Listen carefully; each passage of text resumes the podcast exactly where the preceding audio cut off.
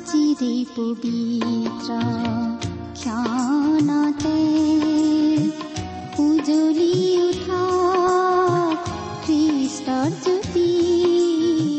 নমস্কাৰ।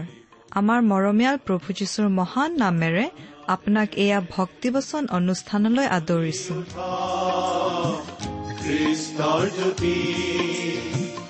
আকাশ বতাহ মুখৰিত কৰি গাঁও সবে মিলি প্ৰশংসা গীতি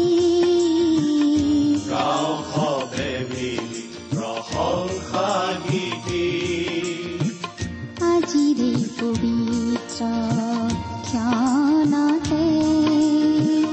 উজলি উঠা খ্ৰীষ্টৰ জ্যোতি ঈশ্বৰে আপোনাক যি অসীম প্ৰেম কৰিলে তাক যদি অনুভৱ কৰিব বিচাৰে আৰু তেওঁৰ অগম্য বাক্যৰ মৌ মিঠা সোৱাদ ল'ব বিচাৰে তেন্তে আহক আজিৰ ভক্তিবচন অনুষ্ঠানটো মনোযোগেৰে শুনো। এয়া আপোনালৈ আগবঢ়াইছো। ঈশ্বৰৰ জীৱন্ত বাক্যৰ অনুষ্ঠান ভক্তিবচন।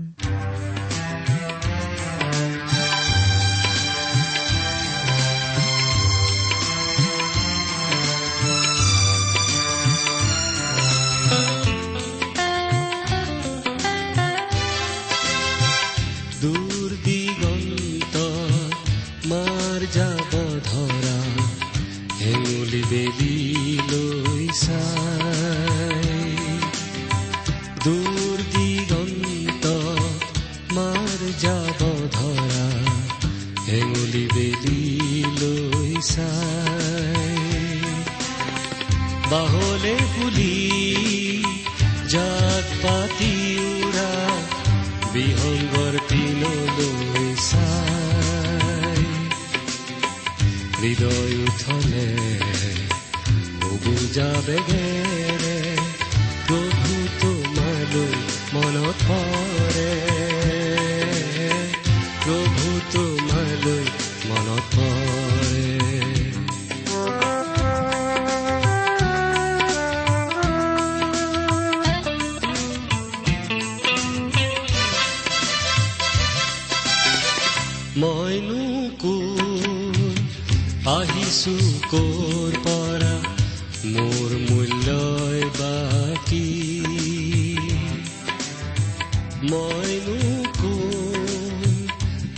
কৰ পৰা মোৰ মূল্যই বাকী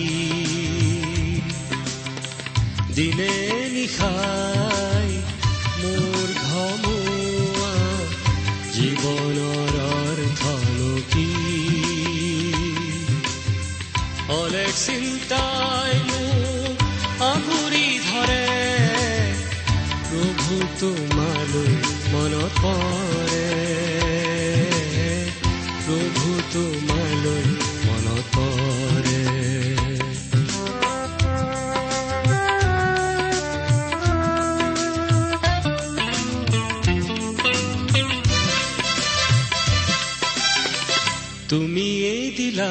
মোক জীৱনৰ অৰ্থ জীয়াই থকাৰ লক্ষ্য। তুমিয়েই দিলা মোক জীৱনৰ অৰ্থ জীয়াই থকাৰ লক্ষ্য। এই জীৱনৰ সিপাৰে থকা, অনন্ত বাক্য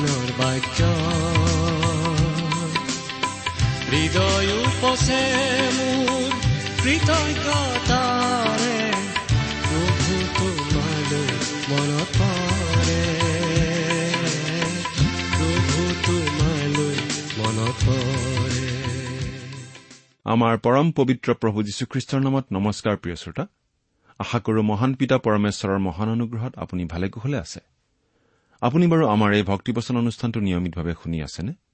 শুনি কেনে পাইছে আমালৈ চিঠি লিখি জনাবচোন। আমাৰ যোগাযোগৰ ঠিকনা? ভক্তিবচন টি ডাব্লিউ আৰ ইণ্ডিয়া ডাক পাকচ নম্বৰ সাত শূন্য গুৱাহাটী সাত আঠ এক শূন্য শূন্য এক। ঠিকনাটো আৰু এবাৰ কৈছো ভক্তিবচন টি ডাব্লিউ আৰ ইণ্ডিয়া ডাক বাকচ নম্বৰ সাত শূন্য গুৱাহাটী সাত আঠ এক শূন্য শূন্য এক। আহকচোন আজিৰ বাইবেল অধ্যয়ন আৰম্ভ কৰাৰ আগতে খন্তেক প্ৰাৰ্থনাত মূৰ দুৱাওঁ। স্বৰ্গত থকা অসীম দয়ালু পিতৃ ঈশ্বৰ তোমাৰ মহান নামৰ ধন্যবাদ কৰো। তুমি সৰ্বশক্তিমান সৰ্বব্যাপী সৰ্বজ্ঞানী ঈশ্বৰ হৈও আমাৰ দৰে ক্ষুদ্ৰ মানৱক যে ইমান প্ৰেম কৰা সেই কথা ভাবিলেই আচৰিত হওঁ। তুমি আমাক ইমানেই প্ৰেম কৰিলা যে আমাক পৰিত্ৰাণ দিবলৈ তুমি তোমাৰ একেজাত পুত্ৰ যীশুখ্ৰীষ্টকেই আমালৈ দান কৰিলা। তেওঁ ক্ৰুচত নিজৰ পবিত্ৰ তেজেৰে আমাৰ পাপৰ প্ৰাচিত্য কৰিলে। আজি তেওঁত বিশ্বাস কৰি আমি অনন্ত জীৱন লাভ কৰি তোমাক পিতৃ বুলি মাতিব পৰা হৈছো। তাৰ বাবে তোমাক অশেষ ধন্যবাদ পিতা। এতিয়া আমি তোমাৰ মহান বাক্য বাইবেল শাস্ত্ৰ অধ্যয়ন কৰিবলৈ ওলাইছো প্ৰাৰ্থনা কৰিছো তোমাৰ বাক্য তুমিয়েই আমাক বুজাই দিয়া। এই অনুষ্ঠান শুনি থকা আমাৰ মৰমৰ শ্ৰোতাসকলক তুমি উপচি পৰাকৈ আশীৰ্বাদ কৰা। কিয়নো এই প্ৰাৰ্থনা আমাৰ মহান ত্ৰাণকৰ্তা মৃত্যুঞ্জয় প্ৰভু যীশুখ্ৰীষ্টৰ নামত আগবঢ়াইছো। আমেন।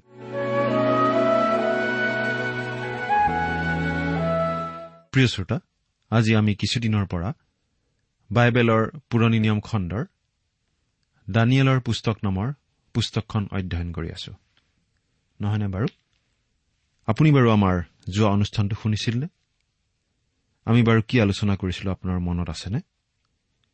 যোৱা অনুষ্ঠানত আমি এই দানিয়েল পুস্তকখনৰ সাত নম্বৰ অধ্যায়ৰ ছয় নম্বৰ পদলৈকে পঢ়ি আলোচনা আগবঢ়াইছিলো নহয়নে বাৰু? আজি আমি এই সাত নম্বৰ অধ্যায়ৰ সাত নম্বৰ পদৰ পৰা আলোচনা আৰম্ভ কৰিম। আমি এতিয়া এটা বিশেষ কথা আলোচনা কৰি আছো। দানিয়েলে এটা দৰ্শন দেখিছিল। সেই দৰ্শনত চাৰিটা জন্তু দেখিছিল। যোৱা অনুষ্ঠানত আমি পাইছিলো দানিয়েলে দৰ্শনত দেখা সেই চাৰিটা জন্তুৰ দৰ্শনৰ প্ৰথম তিনিটা জন্তুৰ কথা। সেই জন্তুকেইটা কি আছিল আপোনাৰ নিশ্চয় মনত আছে? তথাপি আমি আকৌ এবাৰ মনত পেলাই ল'ব খুজিছো। দানিয়েলে দেখা সেই চাৰিটা জন্তুৰ প্ৰথম জন্তুটো আছিল এটা সিংহ। আৰু সেই সিংহটো আছিল দুখন পাখি থকা সিংহ। আৰু এই সিংহটোৱে বুজাইছিল বাবিলনীয়া সাম্ৰাজ্যখনক। আৰু লগতে বুজাইছিল সেই বাবিলনীয়া সাম্ৰাজ্যৰ প্ৰতিষ্ঠাতা নবুখত নেজৰ ৰজাক। তাৰ পাছতে আহিছিল মাদিয়া পাৰ্চীবিলাকৰ সাম্ৰাজ্য। বাবিলন ধ্বংস কৰি তেওঁলোকে তেওঁলোকৰ সাম্ৰাজ্য স্থাপন কৰিছিল। আৰু সেই মাদিয়া পাৰ্চীবিলাকৰ সাম্ৰাজ্যখনক বুজাইছিল দ্বিতীয়টো জন্তু অৰ্থাৎ ভালুকে। দানিয়েলে দেখা তৃতীয়টো জন্তু আছিল নাহৰ ফুটুকী বাঘ। এই নাহৰ ফুটুকী বাঘটোৰ চাৰিখন পাখি আছিল। আৰু এই বাঘটোৱে বুজাইছিল আলেকজেণ্ডাৰৰ নেতৃত্বৰ গ্ৰীক মাকিদনিয়াবিলাকৰ সাম্ৰাজ্যখনৰ কথা। তেওঁলোকেই আছিল তৃতীয়খন বিশ্ব সাম্ৰাজ্য। আজি আমি দানিয়েলে দৰ্শনত দেখা চতুৰ্থটো জন্তুৰ বিষয়ে পঢ়িবলৈ পাম।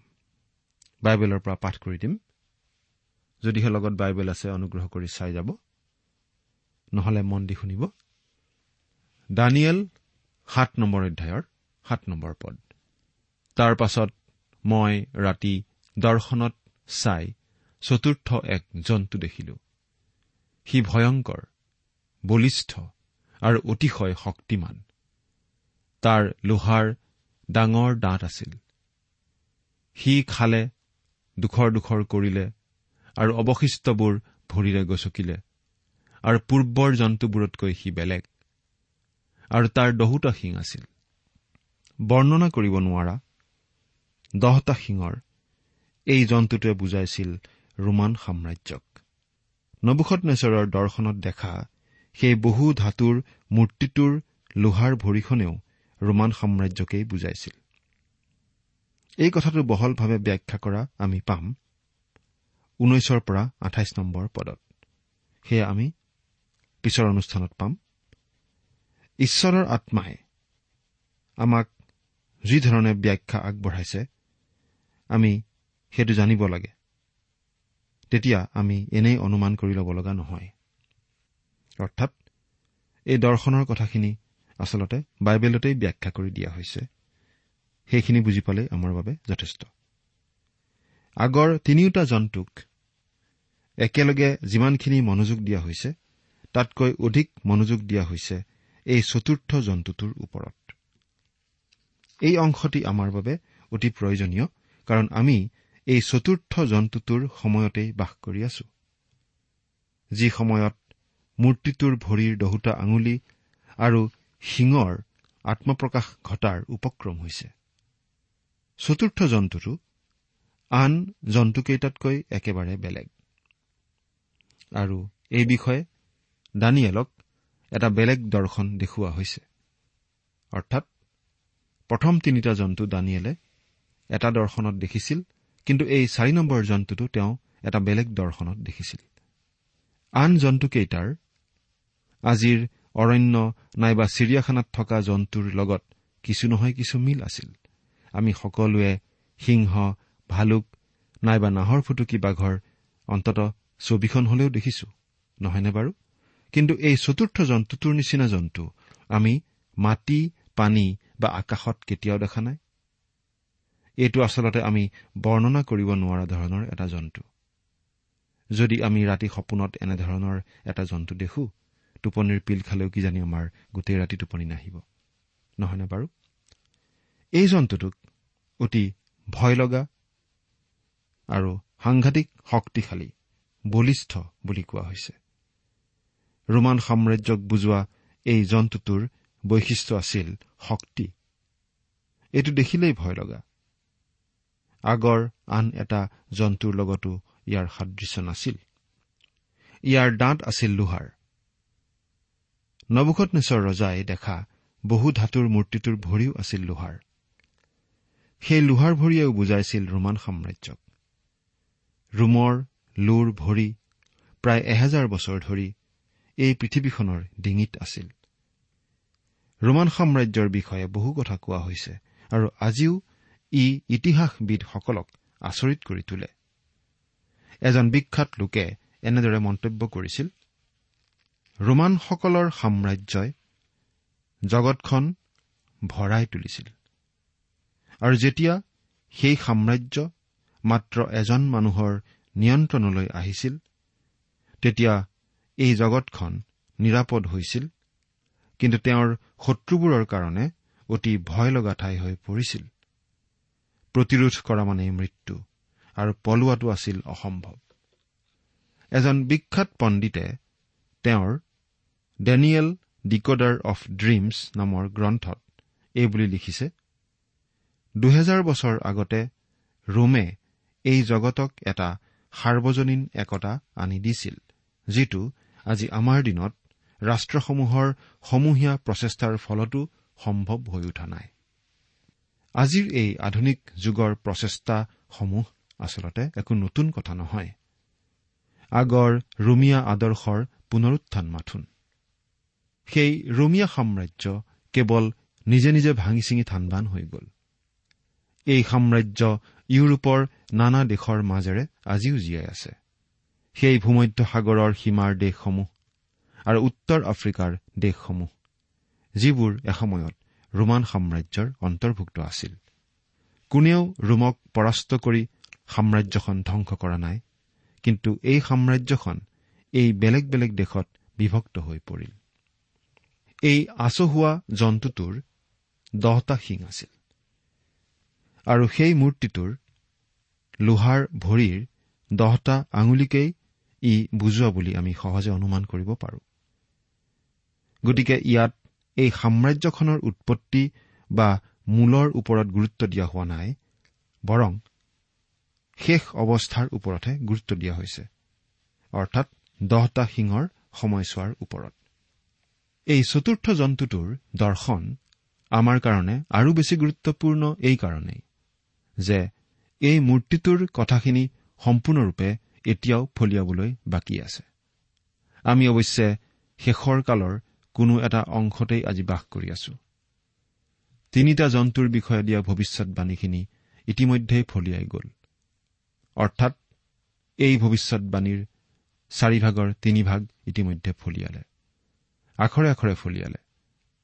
আৰু ভৱিষ্যতে কেৱল সেই শিঙৰ সময়ৰ কথাবোৰহে ফলিয়াবলৈ আছে। চতুৰ্থ জন্তু অৰ্থাৎ চতুৰ্থ সাম্ৰাজ্য অৰ্থাৎ ৰোমান সাম্ৰাজ্য ইতিমধ্যেই আৱিৰ্ভাৱ হ'ল।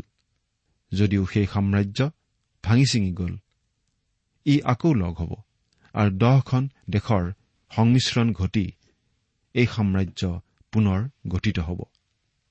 আৰু এই সাম্ৰাজ্যখন একেলগ কৰিব এজন ব্যক্তিয়ে যাক ঈশ্বৰৰ বাক্যত খ্ৰীষ্টাৰী বুলি কোৱা হৈছে। আঠ নম্বৰ পদ মই সেই শিঙলৈ মন কৰি থাকোঁতেই সেইবোৰৰ মাজত আৰু এটা সৰু শিং ওলাল আৰু তাৰ সাক্ষাতে পূৰ্বৰ শিংবোৰৰ তিনিটা শিং উঘলা হ'ল। সেই শিঙৰ মানুহৰ চকুৰ নিচিনা দুটা চকু আৰু বৰ বৰ কথা কোৱা এখন মুখ আছিল। এতিয়া আমাৰ মনোযোগ আকৰ্ষণ কৰা হৈছে দহোটা শিঙলৈ। আমি এই কথাটো মন কৰা উচিত যে এই দহটা শিঙে পঞ্চম সাম্ৰাজ্য এখনক বুজোৱা নাই। এই শিংকেইটা চতুৰ্থ জন্তুটোৰ মূৰৰ পৰা বাঢ়ি ওলাইছে। আৰু চতুৰ্থ জন্তুটোৰ বৃদ্ধিৰ শেষ অৱস্থা বা পৰ্যায়। নমুখত নেজৰ ৰজাই দেখা প্ৰথমটো দৰ্শনৰ। সেই বহু ধাতুৰ মূৰ্তিটোৰ ভৰিৰ পতাখন তৈয়াৰী আছিল লোহা আৰু মাটিৰে। লোহা আছিলেই অৰ্থাৎ ৰোমান সাম্ৰাজ্য লুপ্ত হৈ যোৱা নাই। কিন্তু লগতে বোকামাটিও আছে অৰ্থাৎ দুৰ্বলতাও আছে। আমি ভাবো লোহাই বুজাই এজন ব্যক্তিৰ একনায়কত্ববাদী শাসনৰ কথা। আৰু বোকামাটিয়ে প্ৰতিনিধিত্ব কৰে জনতাক জনগণক অৰ্থাৎ গণতন্ত্ৰক। আমি যদি ভালদৰে ভাবি চাওঁ পৃথিৱীত চলি থকা গণতান্ত্ৰিক ব্যৱস্থাত তেনে দুৰ্বলতা আছে। আজি আমাৰ গণতান্ত্ৰিক স্বাধীনতা আছে আৰু তাৰ বাবে আমি ঈশ্বৰক ধন্যবাদ দিয়া উচিত। কিন্তু আমাৰ এই ব্যৱস্থাত আচলতে জনগণৰ ক্ষমতানো কিমান? ভাবি চাওকচোন সঁচা কথা কবলৈ গ'লে আপুনি বা মই বেছি প্ৰয়োজনীয় বা প্ৰভাৱশালী লোক নহয়। অৱশ্যে প্ৰতিনিধি নিৰ্বাচন কৰিবৰ যেতিয়া সময় আহে তেতিয়া আমাক অতি প্ৰভাৱশালী ক্ষমতাশালী লোক বুলি কোৱা হয়। কিন্তু আমাৰ শাসক কোন হ'ব? কেনেকৈ শাসন চলাব? সেইবোৰ ক্ষেত্ৰত আমাৰ বিশেষ একো নিয়ন্ত্ৰণ নাথাকে। কিছুমান বিশেষ লোকৰ হাততহে সেই ক্ষমতাখিনি থাকে বুলি আমি ক'ব পাৰোঁ। আমাৰ যি স্বাধীনতা আছে তাৰ বাবে আমি নিশ্চয় ঈশ্বৰক ধন্যবাদ দিয়া উচিত। কিন্তু সেই বিশেষ কিছুমান ব্যক্তিয়ে যেনেদৰে চিন্তা কৰে তেনেদৰে চিন্তা কৰিবলৈ আচলতে জনসাধাৰণক প্ৰভাৱিত কৰি থকা হৈছে। ঈশ্বৰৰ যি শাসন ব্যৱস্থা সেই শাসন ব্যৱস্থা গণতান্ত্ৰিক শাসন ব্যৱস্থা নহয়। আচলতে একনায়কত্ববাদী শাসন। যেতিয়া প্ৰভু যীশুখ্ৰীষ্টই এই পৃথিৱীত শাসন চলাব তেওঁ কি কৰিব বা নকৰিব তাৰ বাবে আনৰ পৰা দিহা পৰামৰ্শ তেওঁ কেতিয়াও নল'ব। তেওঁৱেইহে সকলো সিদ্ধান্ত ল'ব আৰু তেওঁ যি হিচাপে বিচাৰে সেই হিচাপেই পৃথিৱীখন তেওঁ চলাব। গতিকে আপুনি মই তেওঁৰ প্ৰতিমূৰ্তিৰ সৈতে এতিয়াই খাপ খাই পৰিলে নিশ্চয় ভাল হ'ব। নহলে তেওঁৰ একনায়কত্ববাদী শাসনৰ অধীনত থাকি আমি নিশ্চয় ভাল নাপাম।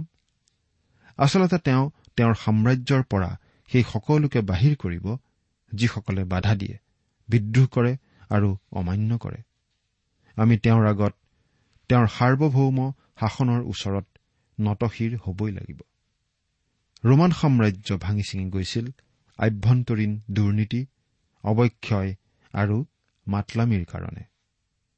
আগৰ তিনিখন সাম্ৰাজ্যও এই মাতলামিৰ কাৰণেই ধ্বংস হৈছিল। আজি বাৰু আমি কি অৱস্থাত আছো? আমাৰ সমাজত আমি বাৰু কি দেখি আছো?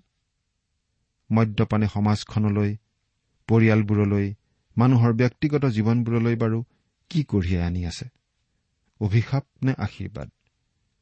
যদি আমাৰ সমাজত এই অৱস্থা চলি থাকে আমাৰ ভৱিষ্যত নিশ্চয় অন্ধকাৰ? ৰোমান সাম্ৰাজ্যখনক আকৌ একলগ কৰা হ'ব। আৰু এই কথাটো মন কৰিবলগীয়া যে আজি মানুহে এই কামটো কৰিব পৰা মানুহ এজন বিচাৰি আছে। এজন ইতিহাসবিদে এনেদৰে মন্তব্য কৰিছে। আচলতে আন কিছুমান জাতিয়ে ৰোমানসকলৰ সাম্ৰাজ্যত ভৰি দিছিল। ৰমীয়া পৰিয়ালৰ সৈতে তেওঁলোকৰ ৰাজ পৰিয়ালৰ বিবাহ আদি হৈছিল। তেওঁলোকে আচলতে নতুন সাম্ৰাজ্য এখন গঢ়া নাছিল। সেই বিবাহ আদিৰ যোগেদি ৰোমান সাম্ৰাজ্য চলি আছিল। এনেদৰে ৰোমান সাম্ৰাজ্য চলি আছে বিভিন্ন বিশ্ব শক্তিবোৰৰ মাজত। আৰু অৱশেষত ই দহখন ৰাজ্য বা দেশৰ মাজত বিশেষভাৱে আত্মপ্ৰকাশ কৰিব।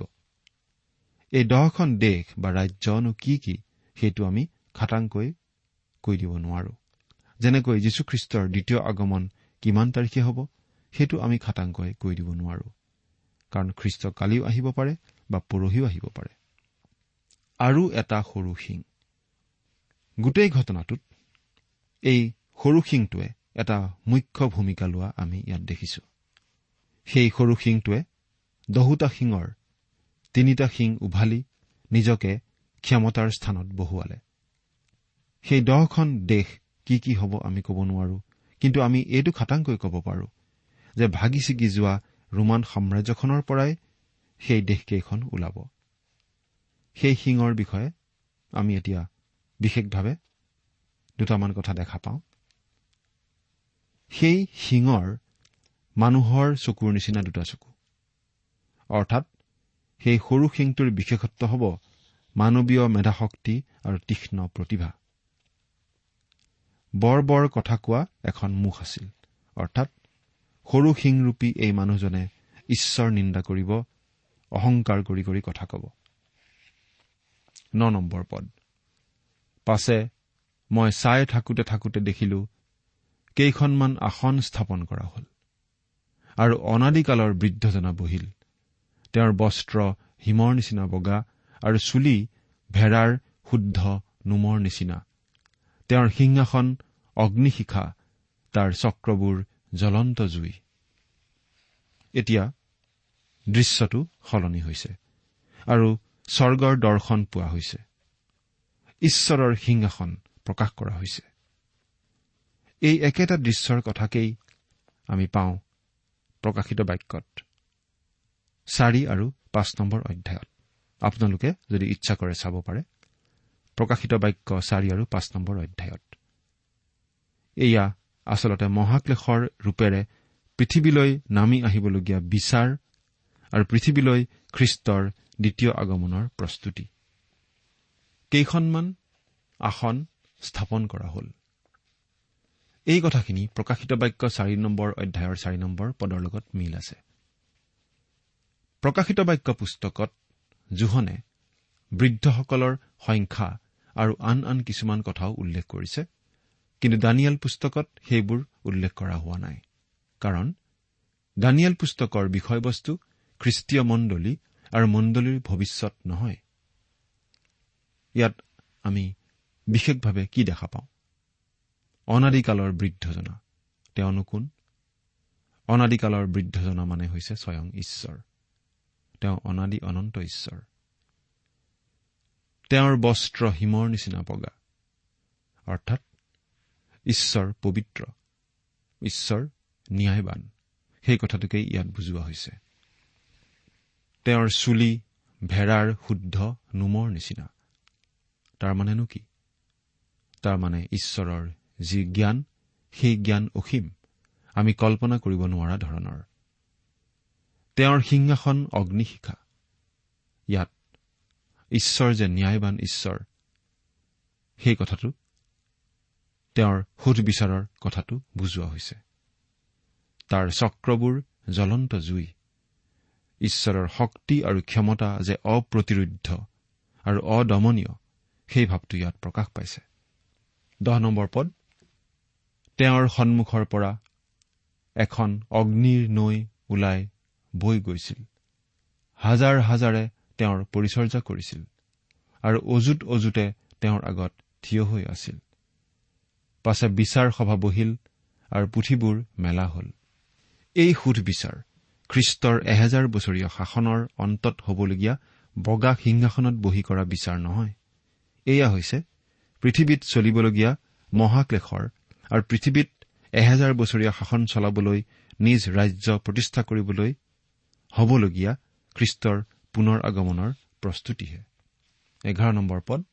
সেই সময়ত মই চাই থাকোতে থাকোতে সিংটোৱে কোৱা বৰ বৰ কথাৰ শব্দৰ কাৰণে মই চাই থাকোতে থাকোতে শেষত সেই জন্তু হত হল আৰু তাৰ শৰীৰ নষ্ট হল তাক অগ্নিশিখাত পেলাই দিয়া হল। ঈশ্বৰে স্বৰ্গত সুধবিচাৰৰ যুঁজা চলাই আছে। পৃথিৱীত স্থাপন হবলগীয়া এহেজাৰ বছৰীয়া ৰাজ্যত কোন কোন থাকিবলৈ পাব তাৰ বাবে হবলগীয়া বিচাৰ আৰু সেই সময়তে সেই ব্যক্তি অৰ্থাৎ সৰু সিংটোৱে পৃথিৱীত উচ্চস্বৰেৰে ঈশ্বৰ নিন্দা কৰিছে আৰু অহংকাৰত উঠলি উঠিছে। কিন্তু সেই সৰু সিংটোৰ বিচাৰ আৰু দণ্ড ঠিক কৰা হৈ গৈছে আৰু তাৰ সাম্ৰাজ্যও ধ্বংস হ'ব। এই শেষৰ জন্তুটোৰ যোগেদি যি সাম্ৰাজ্যখনৰ কথা বুজোৱা হৈছে সেই সাম্ৰাজ্যখনৰ আৰম্ভণি বা উৎপত্তিটোৰ কথাত বেছি গুৰুত্ব দিয়া হোৱা নাই। কিন্তু শেষ অৱস্থাটোৰ কথাত বেছি গুৰুত্ব দিয়া হৈছে। খ্ৰীষ্টই এই পৃথিৱীত জীয়াই থকা জাতি আৰু লোকবোৰৰ বিচাৰ কৰিবলৈ এই পৃথিৱীলৈ যেতিয়া আহিব তাৰ কিছু আগতেই সেই সৰু শিংৰূপী ব্যক্তিজনৰ আৱিৰ্ভাৱ হ'ব। এই সময়খিনিয়েই হ'ব মহাক্লেশৰ সময়। বাৰ নম্বৰ পদ। আৰু বাকী জন্তুকেইটাৰ বিষয়ে হলে সিহঁতৰ পৰা ৰাজ্যভাৰ নিয়া হল। তথাপি উপযুক্ত সময় আৰু নিৰূপিত কাললৈকে সিহঁতৰ আয়ুস দীঘলাই দিয়া হৈছিল। প্ৰথম তিনিওটা জন্তু যদিও মৰি গ'ল সেই জন্তুবোৰে প্ৰতিনিধিত্ব কৰা সাম্ৰাজ্যকেইখনৰ মতাদৰ্শৰ পৰম্পৰা চলি আছে। আৰু সেই মহাক্লেশৰ সময়ত সেইবোৰে আকৌ মূৰ দাঙি উঠিব। প্ৰিয় শ্ৰোতা সেই মহাক্লেশ পৃথিৱীত আৰম্ভ হোৱাৰ আগতেই এই পৃথিৱীৰ পৰা খ্ৰীষ্টীয় মণ্ডলীক উঠাই লৈ যোৱা হ'ব। আপুনি বাৰু সেই মহাক্লেশৰ সময়ত ক'ত থাকিব? এবাৰ চিন্তা কৰি চাওকচোন। ঈশ্বৰে আপোনাক আশীৰ্বাদ কৰক। আমেন।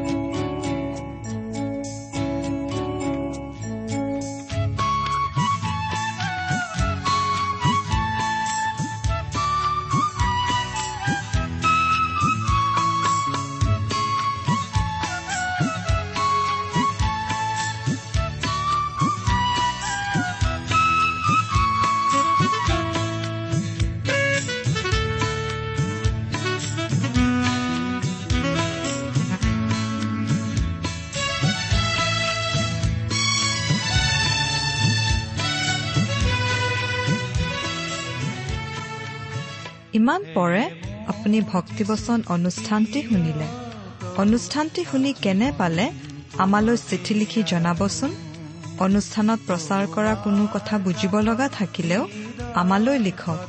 আমাৰ ঠিকনা ভক্তিবচন টি ডাব্লিউ আৰ ইণ্ডিয়া ডাক পাকচ নম্বৰ সাত শূন্য গুৱাহাটী সাত আঠ এক শূন্য শূন্য এক।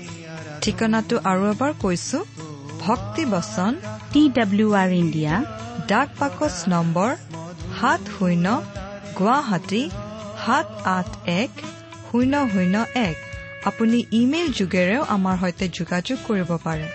আমাৰ ইমেইল আইডিটো হৈছে Assamese T TV at radio' eight eight two dot com. আইডিটো আকৌ এবাৰ কৈছো। Assamese T TV at radio' eight eight two dot com. আপুনি টেলিফোনৰ মাধ্যমেৰেও আমাক যোগাযোগ কৰিব পাৰে।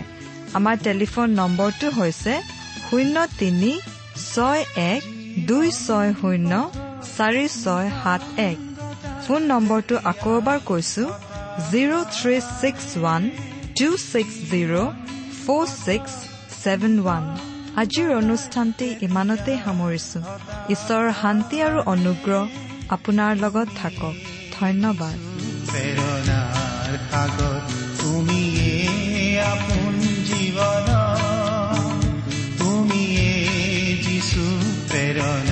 প্ৰেৰণাৰ সাগৰ